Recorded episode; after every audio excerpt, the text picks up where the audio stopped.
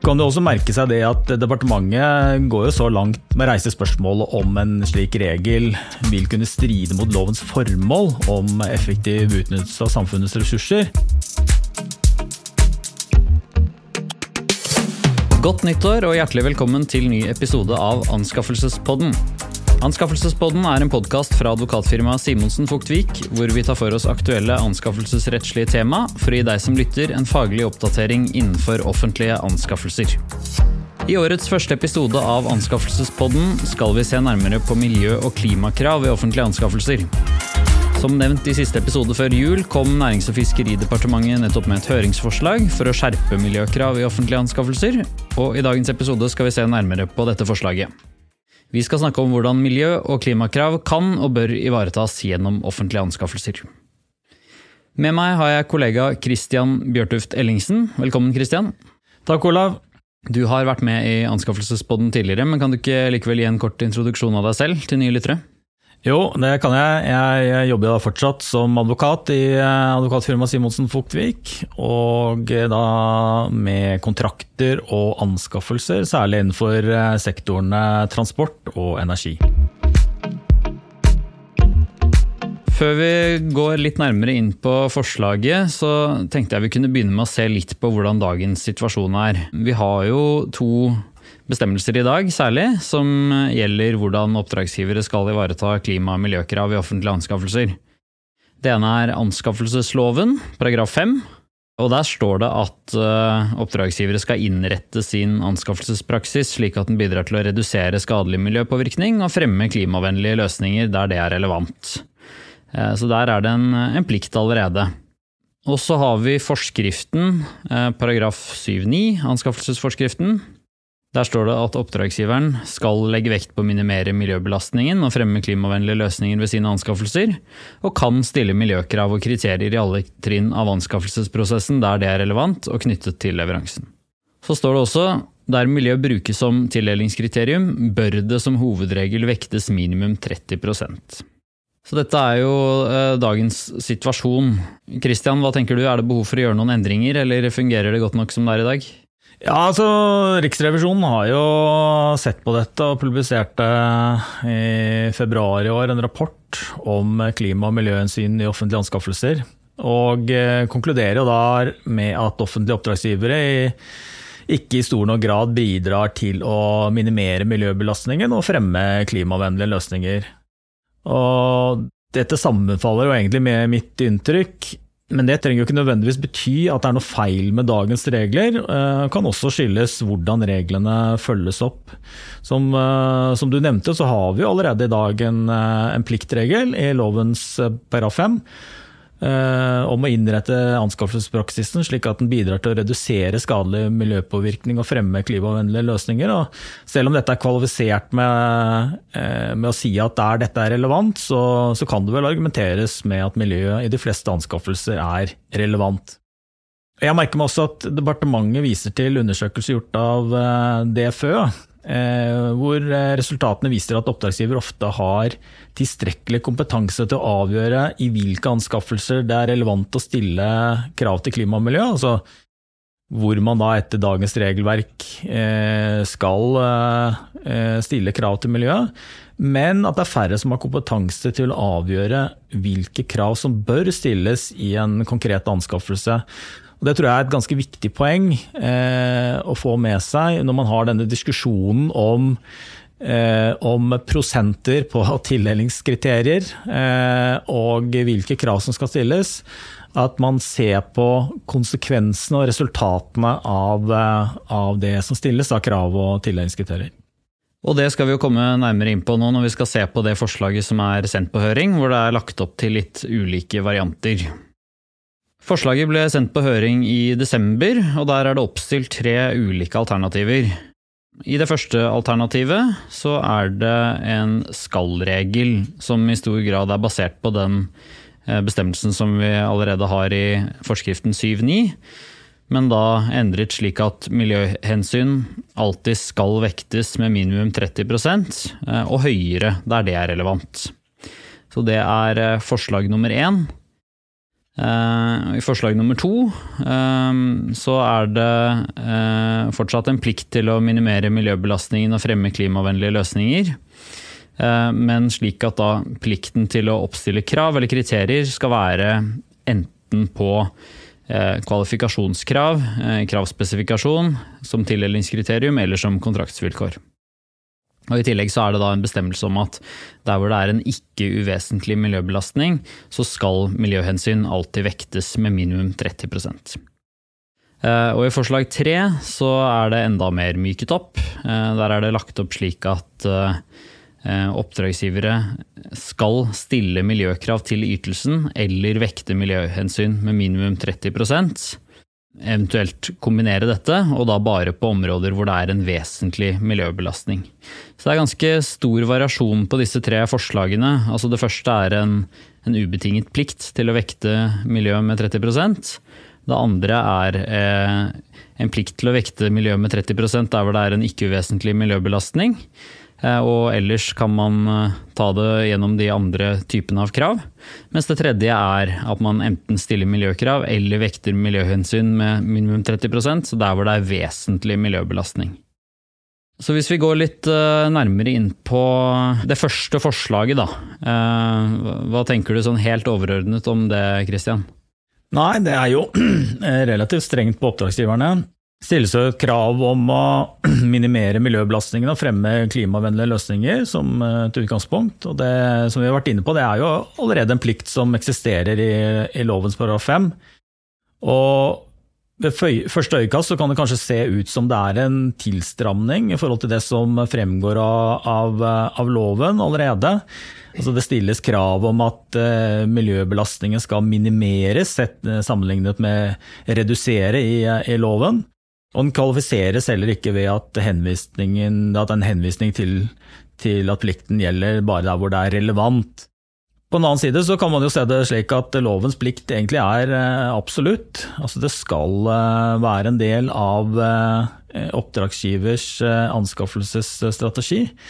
Mens det i forslaget bare fremgår at oppdragsgiver skal legge vekt på å minimere. Slik at det er ikke nødvendigvis slik at dette vil være en stor tilstramning, og, og, her snakker vi også uansett om type pliktregler som eh, i praksis vil være vanskelig å ha en effektiv rettslig prøving av.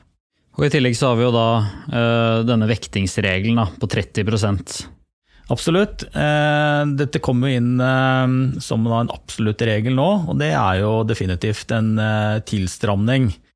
Da kan man jo få stille spørsmålet hva, hva er det man viser til her? Er det er den nominelle vekten, altså den, den, vekten du oppgir på tildelingskriteriet i, uh, i konkurransegrunnlaget, eller er det, er det, her et krav om at, uh, at uh, miljøet faktisk skal være reelt sett vektet 30 ja, og dette henger jo sammen også med den nye evalueringsmodellen som DFØ nylig har kommet med, og som kanskje kompliserer dette enda mer. Men uh, det er jo et sentralt spørsmål, da. Hva betyr egentlig 30 uh, eh, Fordi ut fra hvordan man evaluerer, så kan 30% enten bety uh, alt, eller det kan bety ingenting. Og det departementet gjør her, når det gjelder denne nye evalueringsmodellen som DFØ har kommet med i august, så viser det jo til det DFØ skriver der, om at man må sørge for at at miljøet i hvert fall vektlegges slik at det tilsvarer en vekt på 30 eh, Så sier de samtidig at dette er noe vi skal jobbe med parallelt, mens dette er ute på høring. Så der får vi kanskje håpe at de kommer tilbake med en klargjøring, da, hvis det er, eh, hvis det er dette forslaget som, som, går gjennom. Ja, jeg tror helt riktig, og der må man rett og slett tenke litt gjennom. Altså, departementet har jo åpenbart sett, tenkt gjennom og, og sett dette opp mot, som du sier, eh, det som DFØ har lansert som, eh, som, den nye anbefalte evalueringsmodellen, prissetting av kvalitet. Eh, hvordan man skal kunne å stille spørsmålet om det, det, er mulig å stille et slikt krav. Det er jo litt rart at man stiller et krav i forskriften om, eh, som går på, på, vekting av tildelingskriterier, når når man samtidig anbefaler å gå bort fra denne evalueringsmodellen. Men, eh, men, man har jo der hatt en gjennomgang og, eh, og gjør seg opp meninger om hvordan måte, man skal klare å ivareta dette kravet, også med, en, eh, med prissetting av kvalitet som evalueringsmodell.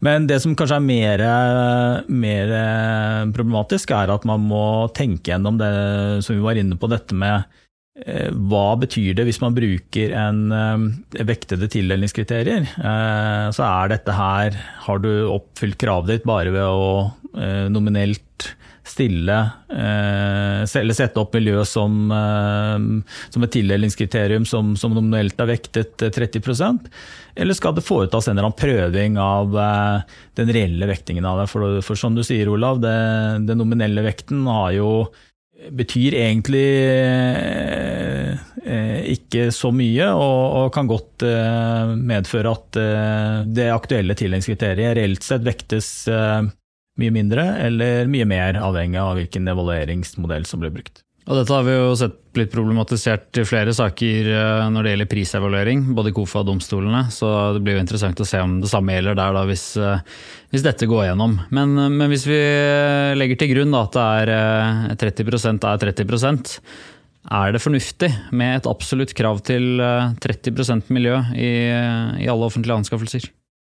Ja, dette er jo ikke første gang dette forslaget kommer på bordet. Ehm, og eh, forrige gang eh, så ble vel eh, situasjonen mer eller mindre avverget på, på oppløpssiden. Og departementet peker jo i høringsuttalelsen selv på at det er klare ulemper ved å stille et absolutt krav til at miljøet skal vektes med en bestemt vekt, altså i dette tilfellet 30 og, og da særlig viser til at eh, eh det, i mange tilfeller eh, så er ikke det å oppstille miljøet som et tildelingskriterium det beste måten å sikre miljøet på.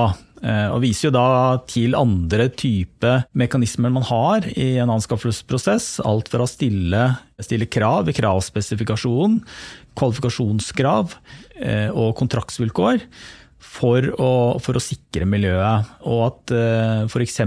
det å stille et kvalifikasjonskrav ofte kan være en, gi en uh, sterkere miljømessig gevinst, en klarere miljø, miljømessig profil på en anskaffelse, enn å åpne for en rekke alternativer, også de ikke-miljøvennlige alternativene, og, og, da bruke miljø som, som et tildelingskriterium. Og kan du også merke seg det at departementet går jo så langt som å si at som som reiser spørsmålet om, eh, om en slik regel vil kunne stride mot lovens formål om effektiv utnyttelse av samfunnets ressurser. Eh, jeg syns det er veldig bra at, at, departementet tar tyren ved hornet her og sier dette rett ut, for, for jeg tror det er helt riktig at dersom man har en sånn absolutt regel om å vektlegge miljøet med 30% så vil det i noen anskaffelser eh, kunne være formålsstridig. Eh, av den grunn at kontra kontraktsgjenstanden ikke alltid åpner for å bruke anskaffelsen til å vri markedet i en mer miljøvennlig retning. og Det kan jo f.eks. være tilfelle i eh, konsulentanskaffelser, hvor, eh, hvor, evaluering på miljø fort blir en litt sånn anstrengt sidespor uten noe særlig relevans for konsulenttjenestene som anskaffes. Da må man jo da finne, evaluere på, Hvis man skal evaluere på miljøet da, så må, vil jo det gjerne knytte seg til eh, type hvordan du organiserer kontordriften hva man kjøper inn av eh, papir, om det er resirkulert, om man har eh, økologisk kaffe i kaffemaskinen, og, om man kjøper klimakvoter på reiser osv. Altså en eh, sagt på en litt sånn tabloid måte, så, så, må man jo stille spørsmål om det er ønskelig for en oppdragsgiver å betale 30% mer for en ellers lik tjeneste hvis det man sikrer seg er at leverandøren har økologisk kaffe i kaffemaskinen. Og det viser jo betydningen og viktigheten av å ha et bevisst forhold ikke bare til denne nominelle vektingen, men også hva man får igjen ved å stille et krav eller et tildelingskriterium. Altså, sagt med andre ord, hvor mye miljø er det jeg får for pengene mine? Eh, og hvis dette er uproporsjonalt, Um, altså, man betaler altfor mye for det man egentlig evaluerer på. og Det kan jo være da resirkulert papir eller, eller kaffe eller, eller, eller, hva man nå uh, i en slik anskaffelse vil evaluere på. Hvis man ser at det er, at det er uproporsjonalt, det man betaler for det. At betaler, man har egentlig ikke en reell betalingsvillighet for det. Så må man stille seg spørsmålet er det bedre å, å ta det, gå for det beste tilbudet basert på ren pris og kvalitet, og så heller bruke de pengene man sparer på, å, på miljøtiltak direkte. For dette er jo til syvende og sist eh, det offentliges eh, midler som vi, vi snakker om. Ja, og så har jo Departementet også åpnet for at man kan ha et unntak til denne regelen, hvis det er det forslaget som går gjennom, men, men, eh, og, som skal gjelde da hvor det er eh, uforholdsmessige kostnader. Men der skal jo også terskelen for å bruke det unntaket være svært høy. Så det, det vil vel kanskje i praksis bli vanskelig likevel, da. Så peker jo departementet også på at det er jo ikke nødvendigvis da den miljømessige løsningen som er den dyreste, men at det faktisk kan lønne seg å velge det beste miljømessige alternativet. Ja, det, og det er jo helt riktig, men, eh, men, det også er jo på en måte å, å skyve problemet litt under teppet, syns jeg. Fordi at eh, Poenget er at selv om det er helt riktig, eh, så er, er, det jo slik at i de konkurransene så vil det jo ikke være noe behov for å ha eh, miljø som et tildelingskriterium. Nettopp fordi at eh, det miljømessig beste løsningen vil vinne på, på pris, kvalitet.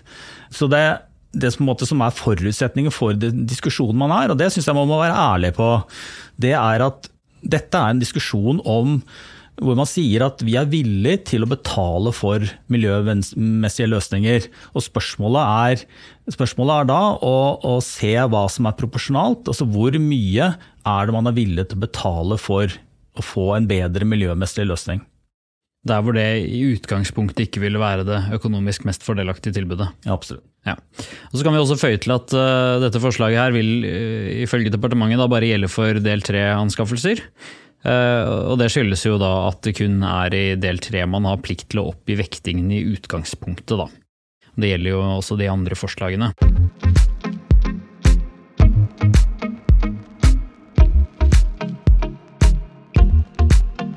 Hvis vi går over til eh, alternativ to, så er det jo holdt litt mer åpent her, som vi så. Eh, er det en mer farbar vei, tenker du Kristian? Jo, hvis man, hvis man, eh, ser litt på hvordan det er gjort her, så, så, har man vel forsøkt det. Man starter med en, litt, en generell plikt som, som, er litt omskrevet. Altså her skal man da ta hensyn til å minimere miljøbelastningene og fremme klimavennlige løsninger. Og Da er vel kanskje tanken at det skal strekke noe kortere enn det første alternativet, som, eh, som eh, var da å legge vekt på. Eh, jeg, men i praksis så er, jeg usikker på om det er store forskjeller på dette. Men for øvrig så, så legger jo dette alternativ to opp til en, noe med fleksibilitet for oppdragsgiver. Og det er bra, tenker jeg, at oppdragsgiver kan vurdere hva som er det beste virkemidlet i den konkrete anskaffelsen. Eh, nettopp for å sikre at miljøet eh, hensyntas på en best mulig måte. Ja, og denne 30 %-regelen, som også er i, i alternativ 2, den kommer jo da bare inn hvor man er på et område hvor det er en ikke uvesentlig miljøbelastning. Da er vi jo litt tilbake til de samme utfordringene som vi har med forslag 1, er vi ikke det? Jo, vi er det, og, og jeg tenker det er jo det er, en, det er, jo ikke en veldig snill regel. Altså, dette å skulle da foreta den vurderingen, hva som vil være en ikke uvesentlig miljøbelastning, vil jo nødvendigvis være en vanskelig vurdering. Lite konkret, åpne for mye skjønn. Og eh, jeg tenker jo på en måte at, at eh, det ligger jo noe i dette her med, som vi var inne på, med at man også så for seg kanskje en unntaksregel på det første alternativet med eh, som gikk på proporsjonalitet, og, og det vil jo ligge mye, mye, av det her. Eh, problemet er jo selvfølgelig at, at eh, man ønsker å ivareta miljø på, i alle anskaffelser, men det er bare noen anskaffelser hvor man har en mulighet til å påvirke ting i riktig retning, mens i andre anskaffelser så er det ikke, er det ikke egnet til å, til å gjøre det. I eh, forslag tre så er det jo eh, holdt veldig åpent igjen. Der er det jo enten stille miljøkrav eller å vekte miljøhensyn med minimum 30% der hvor det er vesentlig miljøbelastning. Altså vi, vi, beveger oss jo bort fra det strenge utgangspunktet som vi startet med i forslag 1, eh, og via dette litt eh, mildere i forslag 2, hvor det er en ikke uvesentlig miljøbelastning, til da forslag 3, hvor man enten stiller miljøkrav eller vekter miljøhensyn med minimum 30 der hvor det er vesentlig miljøbelastning. Mm. Eh, så kan man også kombinere dette. Og da begynner vi kanskje å snakke om noe som er mer spiselig. Ja, altså Når man snakker om en kombinasjon her, så legges det jo da ikke opp til noen prosenttall. Så da, kan man jo, da vil man jo i realiteten eh, ha et ganske mye, mye skjønn eh, ved da å bruke en kombinasjon av miljøkrav og, og vekting av miljøhensyn eh, med en eller, annen, en eller annen vekt. Og, så denne, dette vil jo være alternativet som du sier, som gir oppdragsgiver eh, størst fleksibilitet. Samtidig som den stiller, eh, stiller krav til, eh, til oppdragsgiver. Mm. Jeg tenkte vi kunne ta bare sånn uh, eksempelcase uh, før vi ser litt nærmere på hvordan disse ulike alternativene slår ut. Da. Uh, hvis vi tar for oss en, en tenkt anskaffelse.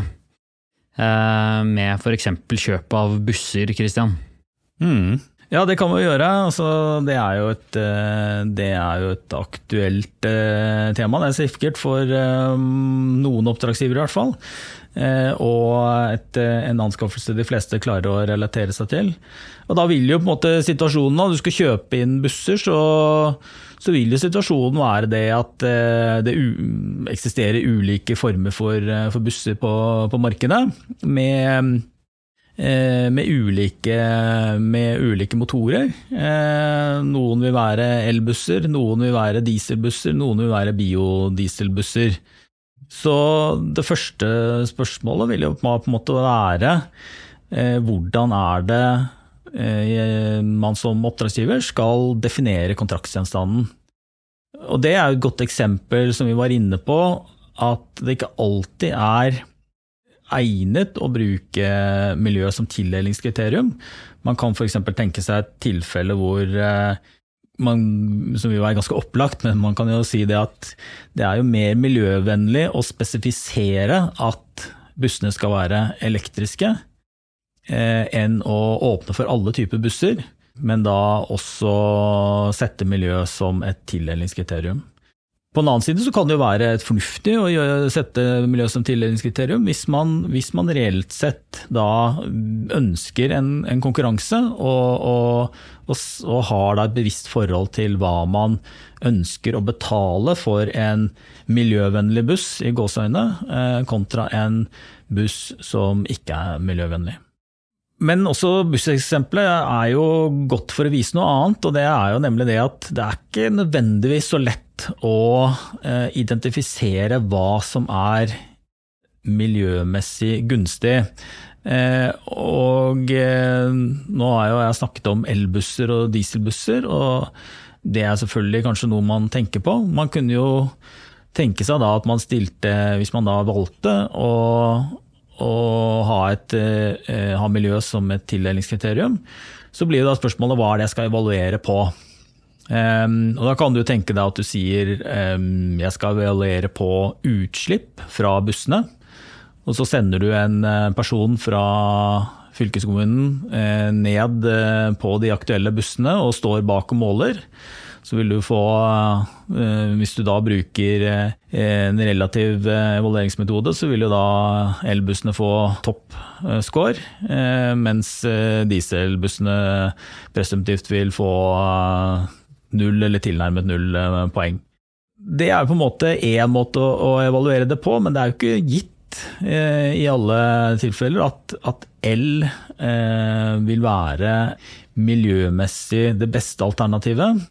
Hvis man på en måte skal vurdere miljø i et bredere perspektiv, så er det klart at eh, den elektrisiteten som vi bruker, er ikke bare utelukkende fra fornybare eh, energikilder, men også strøm som vi importerer fra, eh, fra Tyskland, som lages av, på kullkraftverk. Og det betyr på en måte at det ikke alltid er så enkelt å identifisere det reelle miljø miljøavtrykket og finne egnede måter å evaluere på dette.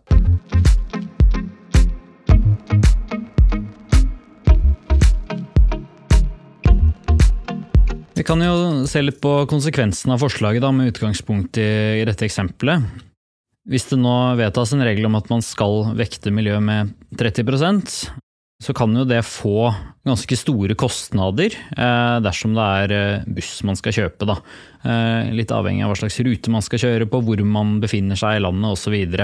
Men en sånn absolutt regel om at 30 miljø skal være et eh, tildelingskriterium, det kan jo bli forholdsvis dyrt for eh, oppdragsgiver, og kanskje dyrere enn det miljø- og klimaeffekten eh, tilsier.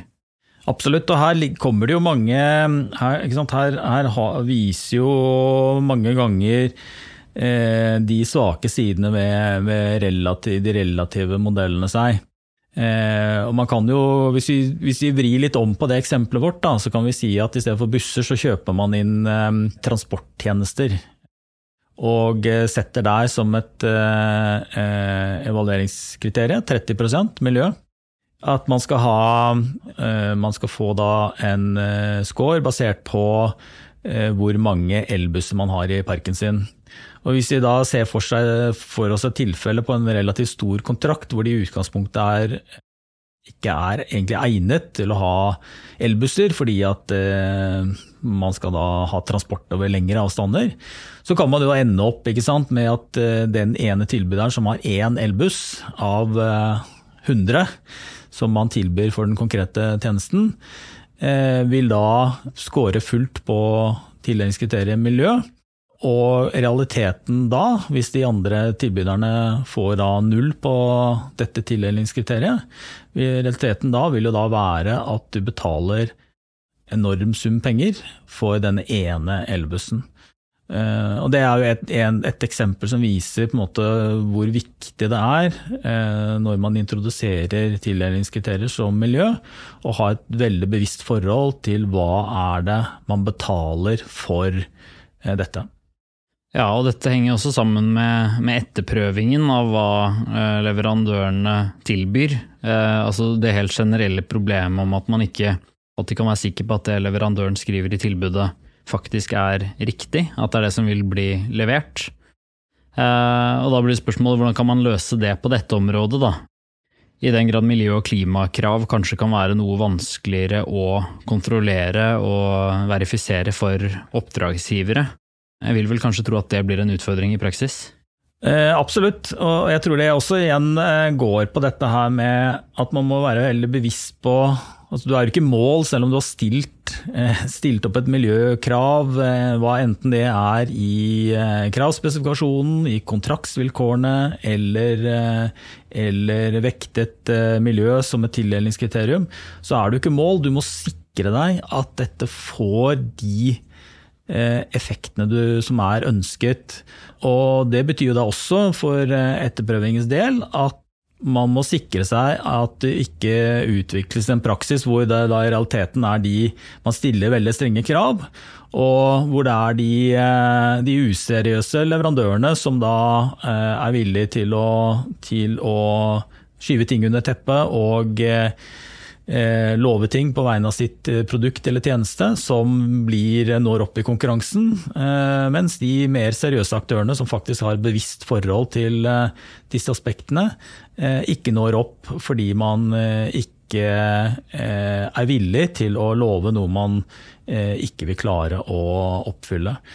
Og, og da er det jo selvfølgelig viktig å ha effektive og sanksjonsmidler og muligheter til å følge opp at eh, de eh, kravene som, eh, som, er stilt, og som leverandøren har påtatt seg å levere på, også oppfylles. Hvis vi snakker litt om håndheving her. Dette er jo pliktbestemmelser som er foreslått til forskriften. Hvordan kan man sikre overholdelse av dem? Hvis vi tar f.eks. For dette forslaget nummer tre, da, om at man eh, skal stille miljøkrav eller vekte miljø med 30 der hvor det er en vesentlig miljøpåvirkning.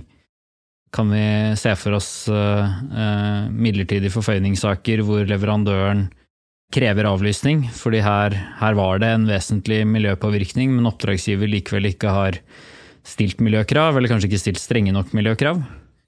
Altså, Det er jo kanskje ikke utenkelig, men man har jo for så vidt regler i dag også, som er pliktregler knyttet til miljø i, i lovens paragraf 5. Og det er klart at det, dette her er jo egentlig ikke så godt egnet for privat håndheving. Eh, og både fordi at reglene i seg selv ikke er eh, nødvendigvis objektivt konstaterbare om de er overprøvd, og så ligger det en viss grad av skjønn og, eh, og, eh, og, usikkerhet med tanke på når er det terskelen for en Eller når foreligger det et pliktbrudd. Og det er jo også slik at eh, anskaffelsesregelverket, hvor man da på en måte har lagt opp til privat håndheving, det er, det er jo ikke alltid eh, leverandører har noen stor interesse av å forfølge dette her som, eh, som pliktbrudd.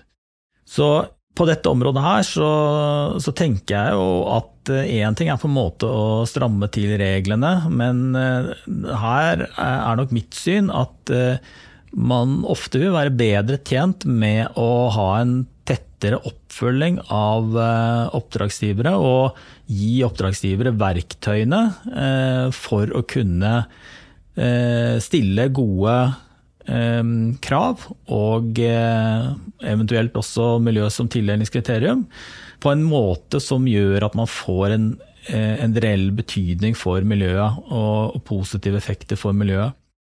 Som, som DFØ påpekte i sin rapport, så er det ofte der det skorter på for oppdragsgivere. Altså hvordan er det man skal stille gode Eh, gode miljøkrav i anskaffelser. Og det er ikke uten grunn, for det er eh, ofte en, en, en, komplisert oppgave. Så jeg tror at, at, eh, dette ikke nødvendigvis er et spørsmål om at oppdragsgivere er, vegrer seg for å vektlegge miljø i sine anskaffelser, men ofte munner ut at eh, mange oppdragsgivere finner det vanskelig å finne egnede og gode måter å stille miljøkrav på en måte som gir den ønskede effekten på miljøet. Før vi avslutter, så kan vi jo nevne at uh, departementet har jo gått veldig bredt ut her i høringsnotatet. De har uh, stilt hele 16 spørsmål til høringsinstansene knyttet til de ulike forslagene, og noen generelle spørsmål. Uh, de har åpnet for disse tre forslagene som vi har vært igjennom, med litt ulike muligheter for unntak og terskler. Eh, så her er det gode muligheter for å komme med høringsinnspill innen fristen 8.3.2023. Eh, til slutt, Christian. Hva ser du for deg er mest sannsynlig at man får igjennom av disse forslagene som vi har vært gjennom nå? Nei, Det blir spennende å se. Jeg ville ikke anbefale at man eh, stiller et absolutt krav til eh, vekting av miljø som eh, tildelingskriterium, uten unntak. Det tror jeg er en uhensiktsmessig regel, og en, en regel som ikke nødvendigvis vil gagne miljøet til syvende og sist. Slik at jeg håper at Eh, man, eh, man gir eh, oppdragsgivere en viss fleksibilitet til selv å kunne vurdere hvordan man best ivaretar miljøet. Og da ligger det jo i det at de løsningene som er fremmet, som gir størst fleksibilitet, er nok de jeg i hvert fall skulle ønske man gikk for, og da isteden brukte mer ressurser på å sikre at oppdragsgivere var komfortable og turte å stille eh, miljøkrav i de konkrete anskaffelsene. Og Hvis man skal tørre å lese litt mellom linjene her også, så kan man vel kanskje spekulere i om, eh, om dette første forslaget da, med den absolutte 30 %-regelen er mer gitt sånn av hensyn til lojalitet til eh, politikerne, men at kanskje departementet ser for seg at det er en av de andre forslagene som, eh, som må vedtas. Ja, det er klart at dette er, dette er, eh, dette er jo initiert på, på, politisk nivå, og det var det jo forrige gang dette her var oppe også. Eh, og Det går jo litt på at det er en fin, fin overskrift i mange aviser, å kunne gå ut og si at uh, nå skal vi vektlegge miljø, med en sånn enkelt, forståelig under tittel at her, blir, her skal miljøet vektes minst 30% i alle anskaffelser.